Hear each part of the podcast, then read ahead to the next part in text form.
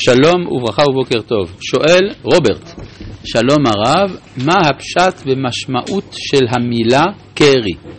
אם אני מבין נכון, מקרה זו דרשה על אופן ההנהגה, אבל לא ממש נכנס לפסוק, גם היה אפשר לכתוב ישירות מקרה. תודה רבה לרב ולצוות. טוב, אה, אפשר היה לכתוב מקרה אם המשמעות של המילה מקרה בימי התנ"ך הייתה כמו בימינו. אבל בכל מקרה, אה, הסברנו שאונקלוס תרגם קשיו. קשיו כלומר בקושי, כלומר בקשיות עורף. שואל אליהו, שלום הרב, לא הבנתי איך רבי חיים מוולוז'ין מדייק מהפסוק בתהילים את זה שוימלא כבוד השם את כל הארץ, זו הגלות, תודה רבה. קודם כל, רבי חיים מוולוז'ין בחיים שלו לא אמר דבר כזה. מדובר על הנציב מוולוז'ין, שהיה נשוי לנכדתו. אז כך שאי אפשר להגיד את זה בשם רבי חיים וולוז'ין. שתיים, הוא אומר, וימלא כבוד השם את כל הארץ, כל הארץ כהנה כל העולם. כמו שכתוב, ויהי כל הארץ שפה אחת, שנאמר על כל העולם, והדברים מדויקים מהפסוק בתהילים. אה, אה, הפסוק בתהילים אומר, אה, וימאסו בארץ חמדה, ויישא ידו להם להפיל זרעם בגויים ולזרותם בארצות. אז איך דוד המלך הבין את זה? כנראה שדוד המלך הבין שהפסוק, ימלא כבודו את כל הארץ, כבוד השם את כל הארץ, מציין את הפיזור. פשוט. טוב, אנחנו ממשיכים פרק כ"ו, פסוק ל"ד. התחלנו אותה, את הפסוק. אז תרצה הארץ את שבתותיה כל ימי הושמה, ואתם בארץ אויביהם. מה זה תרצה? אז זה, יש יחס אל הארץ בתור אישיות. בעוד שאצל שאר הארצות, הארצות נקראות אדמה, יש משפחות האדמה, האדמה מקום דומם, בעצם אפשר לומר שהארצות משמשות בתור מגש להניח עליו אנשים, מה שאין כן בארץ ישראל שהיא אישיות זוגית עם עם ישראל, כמו שמצאנו למשל אה, שאדם, אה, בלשון זכר, נקבה אדמה. זאת אומרת שיש איזה יחס של זוגיות בין הארץ לבין האומה. עכשיו, יש בזה דבר עמוק, כי אצל הגויים בדרך כלל הארץ נחשבת בתור האם, אימא אדמה, בעוד שבעם ישראל, ארץ ישראל מופיע בתור אישה. מה ההבדל בין אישה לבין אימא? אימא אני לא בוחר, אדם נולד בדרך הטבע לאימו, וזה לא נתון לדיון. מה שאין כן עם אשתו, זאת החלטה. החלטה בעלת אופי מוסרי. זה אומר שהקשר שלנו עם ארץ ישראל מותנה בין היתר במוסרי, במוסריותנו. אז, נאמר, אז תרצה הארץ את שבתותיה, שבתותיה הכוונה אה, השבת, אבל גם בעיקר השמיטה. כל ימי הושמה, ואתם בארץ אויביכם, אז תשבת הארץ וירצת את, שבתו, את שבתותיה, כל ימי הושמה תשבות, את אשר לא שבתה בשבתותיכם, בשבתיכם עליה. אז הגאון מווילנה עושה חשבון מתוך כל אז, אה, השמיטות והיובלים שבהם היינו בארץ בימי בית ראשון או אפילו בימי השופטים, הוא עושה חשבון מתי כן שמרו שמיטה ומתי לא. ויוצא לו בדיוק לפי החשבון שלו, 70. כלומר שיש... מה? כן, אבל רש"י לא אומר איך, לא עושה, לא עושה את החשבון. מה שאין, מה שאין כן הגאון שיש לו, הוא אומר באיזה, באיזה מלך שמרו, מתי לא. כן. אפשר להגיד משהו חשוב? תמיד אפשר להגיד דבר חשוב. לפי הפשט, זה שבתותיה, זה כל השבתות שעם ישראל לא שמע, וכלול בזה גם את השמיטה. יפה, יפה, יפה. כי כן. השבתות לא פחות, הן אפילו חשובות יותר. נכון, רק ששבת הארץ זה, כן. זה השמיטה, זה, זה, זה העניין. והנשארים בכם, והבאתי מורך בלבבם בארצות אויביהם, ורדף אותם כל עלי נידף, ונשאו מנוחת, מנוסת חרב, ונפלו ואין רודף. כי אחת התוצאות של הגלות זה מורך הלב. מורך הלב עושה את האדם לחלש. חלש שהוא, כל דבר מפחיד אותו.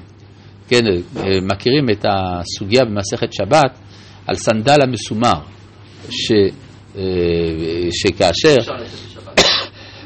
אסור לצאת בשבת סנדל המסומר, והגמרא מספרת שזה על פי מעשה שהיה. שהסתתרו במערה, ונהפך הסנדל של אחד מהם. הסנדל המסומר הוא מאוד כבד, הוא עושה רעש כשהוא מתהפך, וחשבו שהרומאים באים, ואז הם הרגו אחד את השני כדי לא ליפול בידי הרומאים, והכל היה סתם בלוף. כלומר, לא היה שם שום רומאי ולא כלום. זאת אומרת, המצב שאדם מתיירא מעבר למה שראוי לפי ההיגיון, זה אחת התוצאות של הגלות.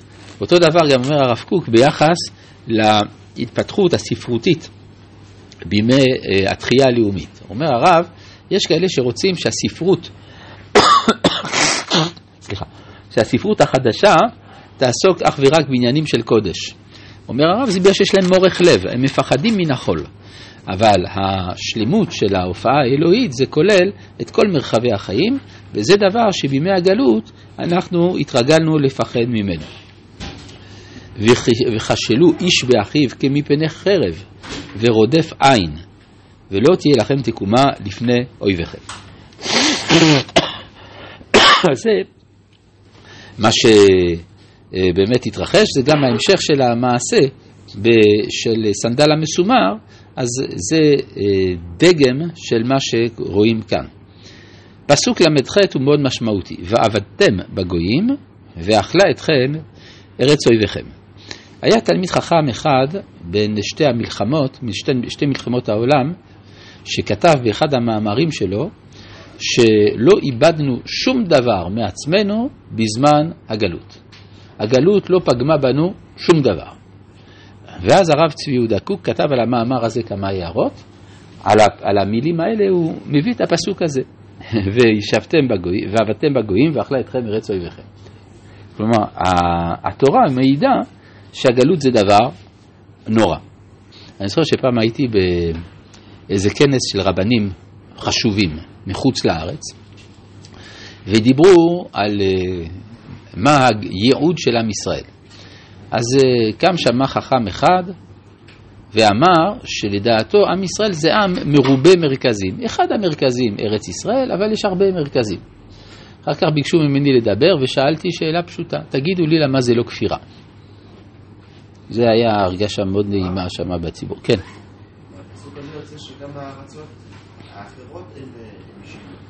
הן למה?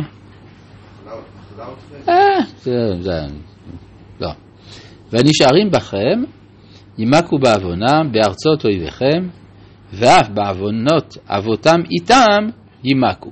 טוב, זו שאלה גדולה, האם אנחנו צריכים לשלם על העבירות של אבותינו, או רק על העבירות של עצמנו.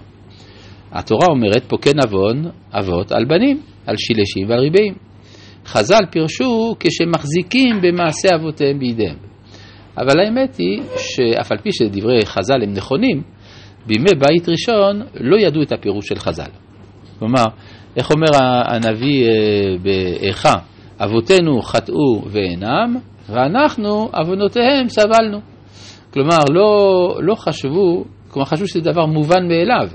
הקשר בין הדורות הוא כזה שהעוון של האבות מגיע גם אל הבנים. למה בימי בית שני השתנתה התפיסה? פשוט מאוד. בימי בית שני נולד הפרט. לפני כן כל אדם הרגיש שהוא חלק מן הכלל. אם אני חלק מן הכלל, אז אם יש חלק של הכלל שמקולקל, זה משפיע ישירות עליי, גם אם אני לא עשיתי חטא. מה שאין כן בימי בית שני, שהזהות הקולקטיבית נחלשה, אז הזהות הפרטית עלתה. ולכן יחזקאל הנביא אומר באותה מציאות, אה, אה, בן לא יישא בעוון האב ואב לא יישא בעוון הבן, איש בחטאו וכולי. כלומר, אבל זה דבר שבימי אה, נתינת התורה היה מובן מאליו, שאף בעוונות אבותם איתם יימקו. כן. זה כתוב פעמיים בתנ"ך, אבות אכלו בוסר ושני בנים תקהנה. כן, זה היה... לא בתמיהה. כלומר, אה, אנחנו קוראים את זה בתמיהה, אבל אה, הקדמונים לא. וזה בדיוק מה שיחזקאל אומר. מכאן ואילך זה משתנה. המדרש אומר את זה במפורש, שיחזקאל שינה את ההנהגה. כן? ככה מובא בתנחומה, אם אני לא טועה.